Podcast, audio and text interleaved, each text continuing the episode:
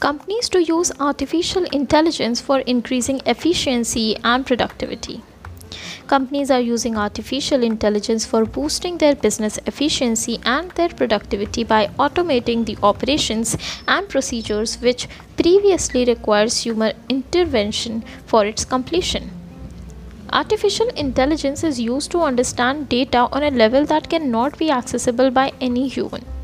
This skill set of AI can provide significant benefits in the business. It is benefiting every business function and sector in some or the other way. Artificial intelligence is working efficiently in both industry specific applications and general categories. Several multinational companies use AI such as Amazon, Apple, Alibaba, IBM, Facebook, and so on.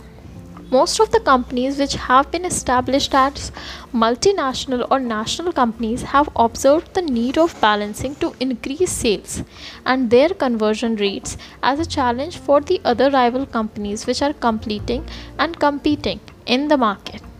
E-commerce platforms are working with the integration of artificial intelligence which is in the result giving growth.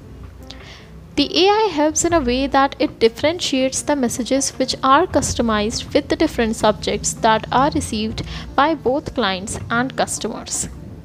AI for efficiency productivity, artificial intelligence has a power which can open up different marketing channels to boost business.